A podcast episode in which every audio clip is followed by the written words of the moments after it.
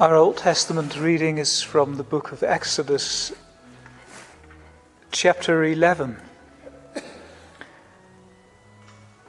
Now the Lord had said to Moses, I will bring one more plague on Pharaoh and on Egypt.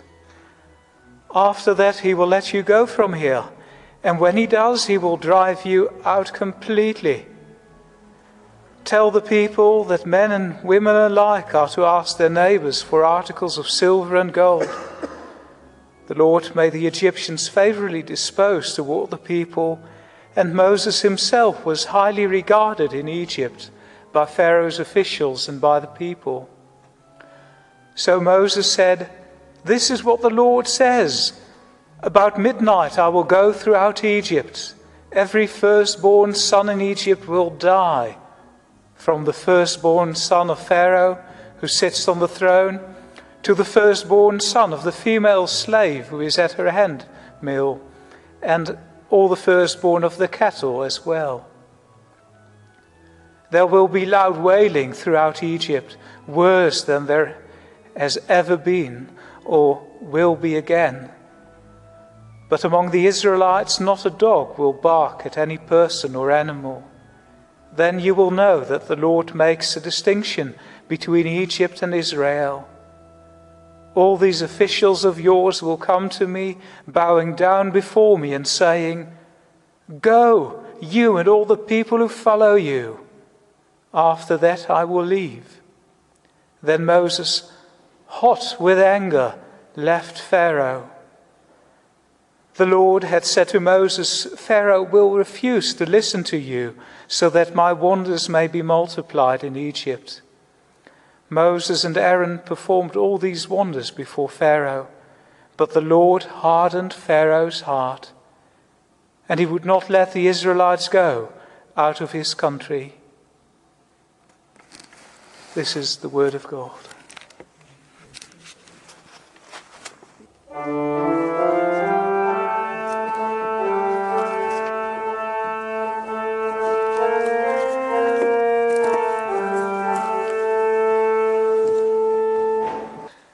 Let us pray. Heavenly Father, we thank you for uh, this occasion of coming around your word and listening to your word and listening to your voice and word. Father, we pray that you would make us attentive, that you would guide my lips, that they will proclaim your praises. Amen.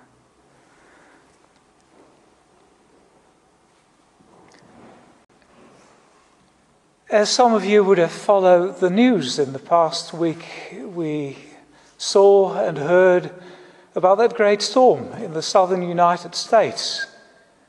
Personified, we tend to do that even in our secular age with elements of nature as the storm Harvey, killing quite a few people, flooding Houston, and President Trump of the United States proclaiming a day of prayer. There was a sociology professor also in that same United States in the past week who proclaimed something else. He decided that this storm and this flooding in the United States was because the people of Texas voted for Donald Trump. Yes, that's not uh, he was probably quickly chastised after that. But that's one way of working with reality.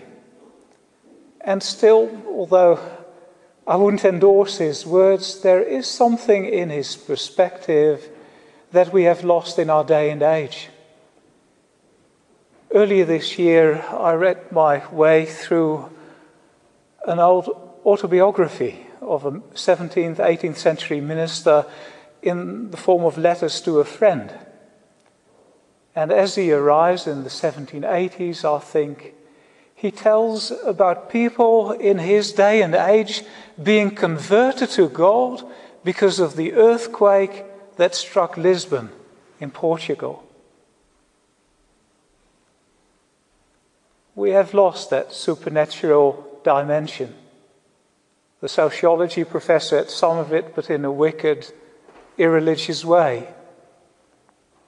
But it shows that things have have changed, but that whether our perspective has changed or not, the disasters still happen. Whether it's Hurricane Katrina, whether it's a tsunami, or whether it's the storm Harvey. Whether God is involved or Trump is involved, it still happens. This plague in Egypt, too, in Exodus 11. That terrible plague of the firstborn being killed, not only among men, but animals as well. Terrible thing. And we also read about God hardening the heart of Pharaoh in this process so that it's inevitable, so that it's going to happen. So that poses at least two moral dilemmas this evening. The first one is concerned with Pharaoh. If God hardened Pharaoh's heart, what could he help it? And doesn't that make God responsible for what is happening there in those horrible things in Egypt. And the second dilemma is this plague. All those firstborn struck with death, their life ended, the future for their, for, for their parents and their own life stopped right there and then. Innocent people, a lot of people in Egypt who didn't agree with Pharaoh who thought Moses was a great man, we read in our text. But their firstborn are going to die as well. Is that fair? Let's take the first dilemma first Pharaoh and the hardening of his heart. We read both in the previous chapter and in this one that God hardens the heart of Pharaoh. This chapter is part of the same narrative as, uh, as, as, what's happening in, in chapter 10, when Moses has already uh, arrived at Pharaoh's court, and the two former plagues are discussed. First, the locusts all over the, the earth, and then the Egyptian darkness. And then Pharaoh is sort of upset, and Moses talks and he threatens with this final plague. But as he does so, the Lord tells Moses that he will harden the heart of Pharaoh so that he will say no and that the plague will strike. Yes, that's what the Bible says. God hardened the heart of Pharaoh. So we must accept that. But there's more to that picture than just God hardening the heart of Pharaoh. He does so in a context. As we listen to this morning's sermon that sometimes there is a point of no return that people reach. And that God says enough is enough, and now I'm going to judge. God is not playing games. This is serious business. We'll, we'll come to that later. So it doesn't come out of, a, out of the blue, bolt out of the blue. It comes in a circumstance where Pharaoh has been hardening his own heart, where he's obstinate, where he's resisting God. Because after the locusts and the darkness, we counted nine plagues.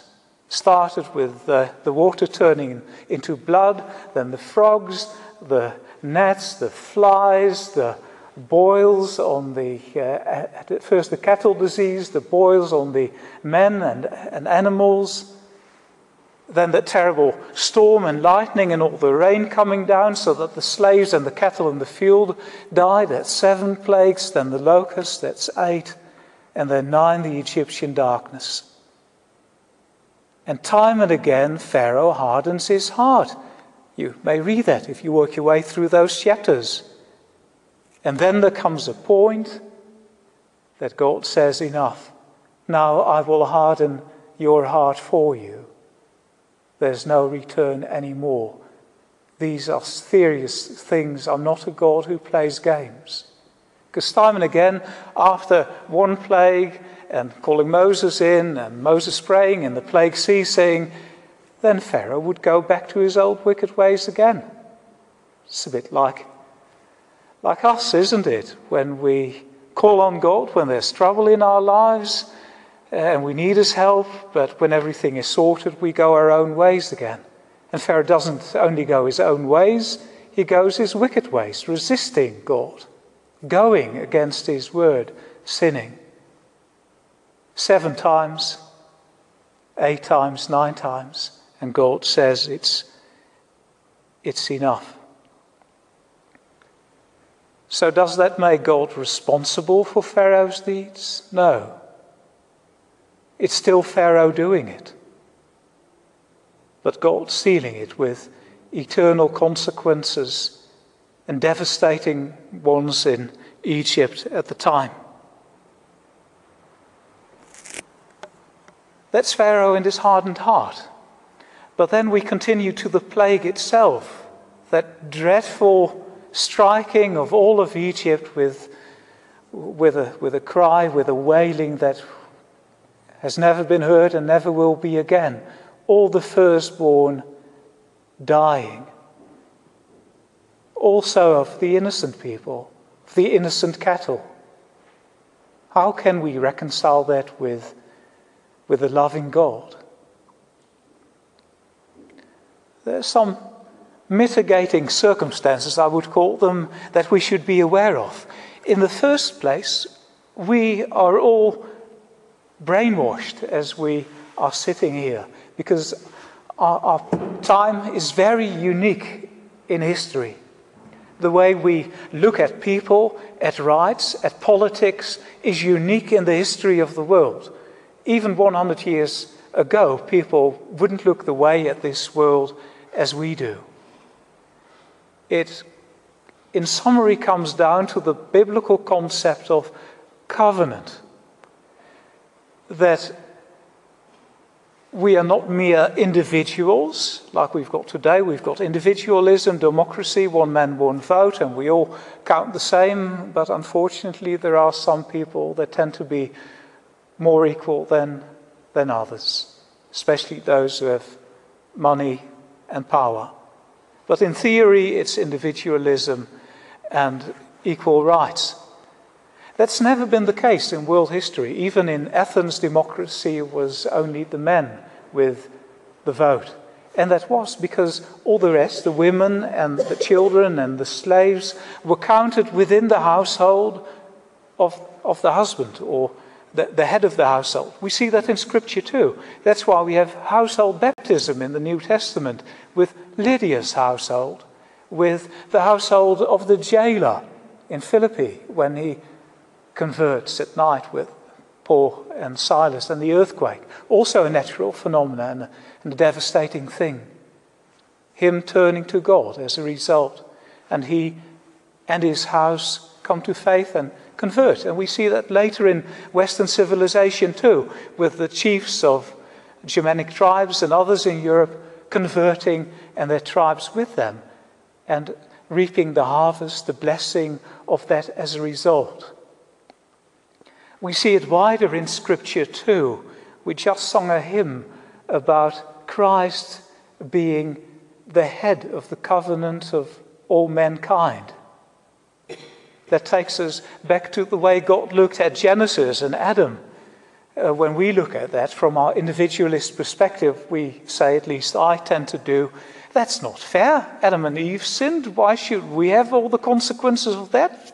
Thousands of years later, and all those millions of people being affected by, by, by the disease of sin and the curse of death, and think of all the pain and suffering as a result. If I'd been God, I would have stopped it right there and then with Adam and Eve. They sinned, okay, they die, and we start all over again. That's not the way the Bible looks at it. That's not the way that uh, most people have looked at it in history. They looked at mankind as, as a covenant concept. The very word is. Uh, these days, in some circles, it's not even politically correct to use the word mankind. But from of old, it expresses this idea that it's Adam as head of the covenant and all mankind included. That's not to make men any better than women. That's not involved in that concept at all. It's the way God looks at mankind. Adam sinned, and as the head sinned, the rest suffers as a consequence, or is blessed as a consequence as he does right things. That's the concept that we find here in Exodus as well. Pharaoh as an almost absolute monarch, worse than the 17th century kings in France.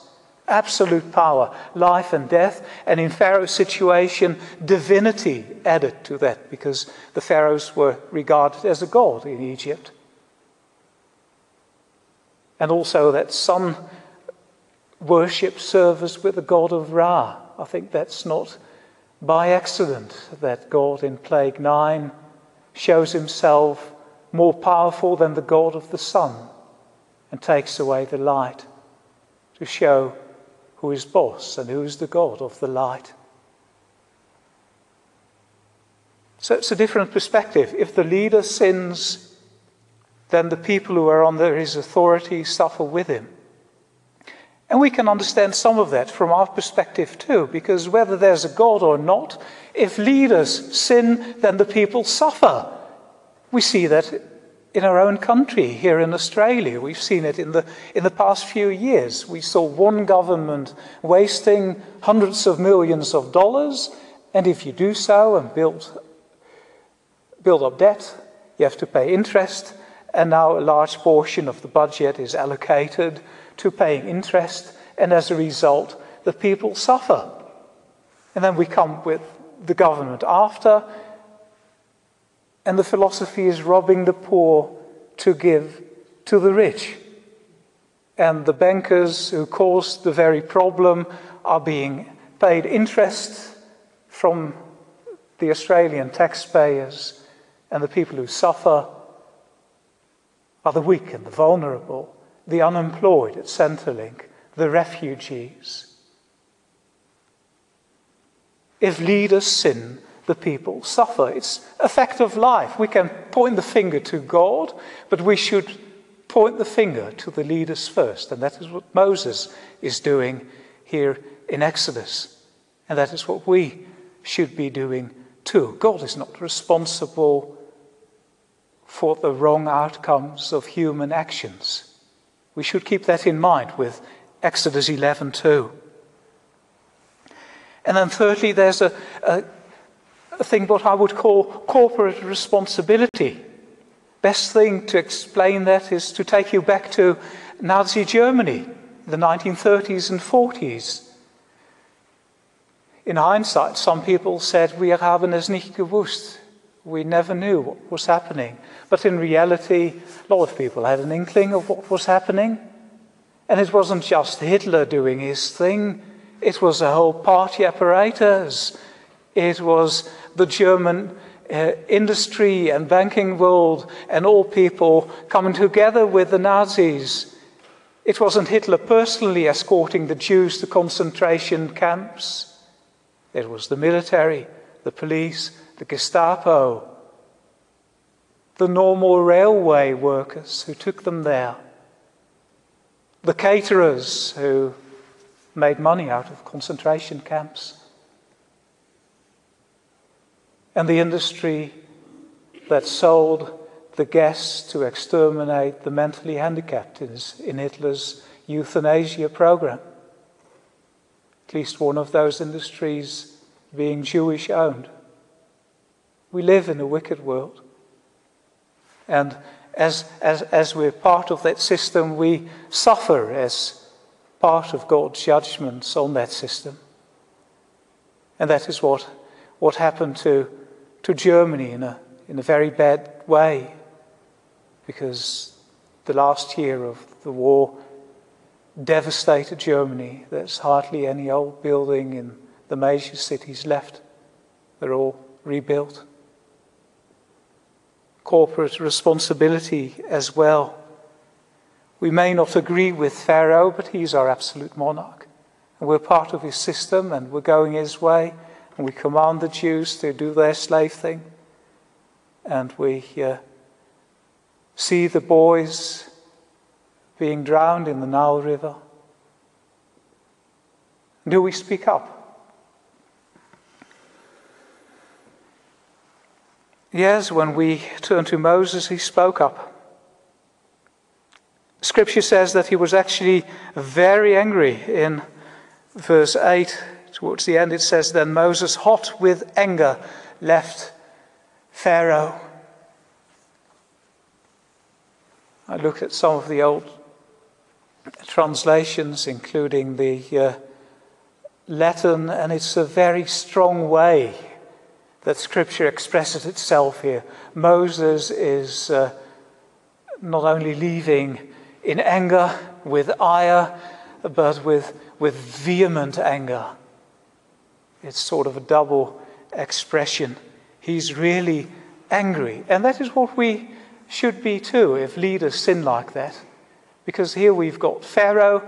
Uh, still not listening to God. And you would think that after nine plagues there would be something like uh, the, the, the, the, proof of, of experiment, that you can trust these threats of this God to some extent at least, and that you should be careful, and that your people are going to suffer, have suffered so much already.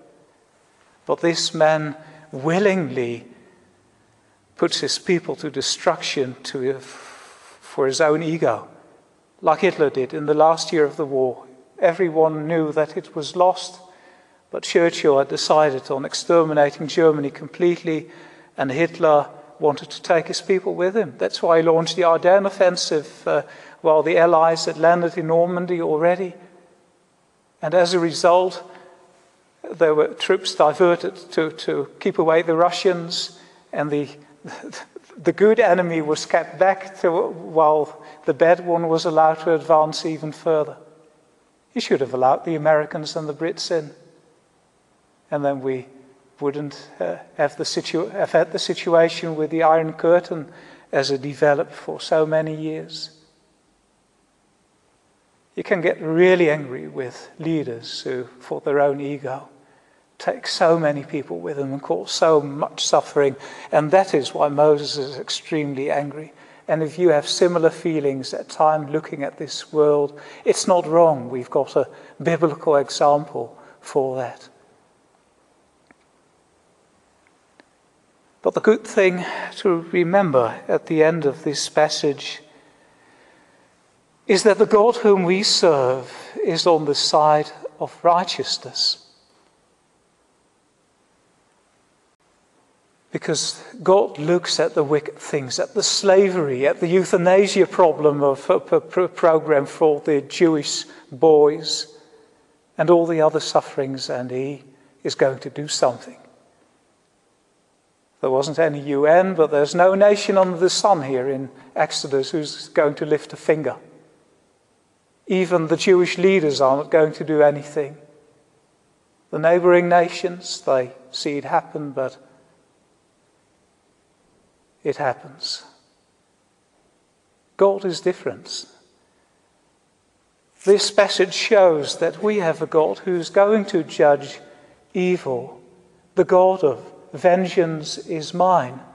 Yes, we should bless and heap up coals, but we can do so because we know that in the end, God is the God of the Sermon on the Mount, that the pure shall see God, and that the meek shall inherit the earth. And that will only be possible through the judgments of God.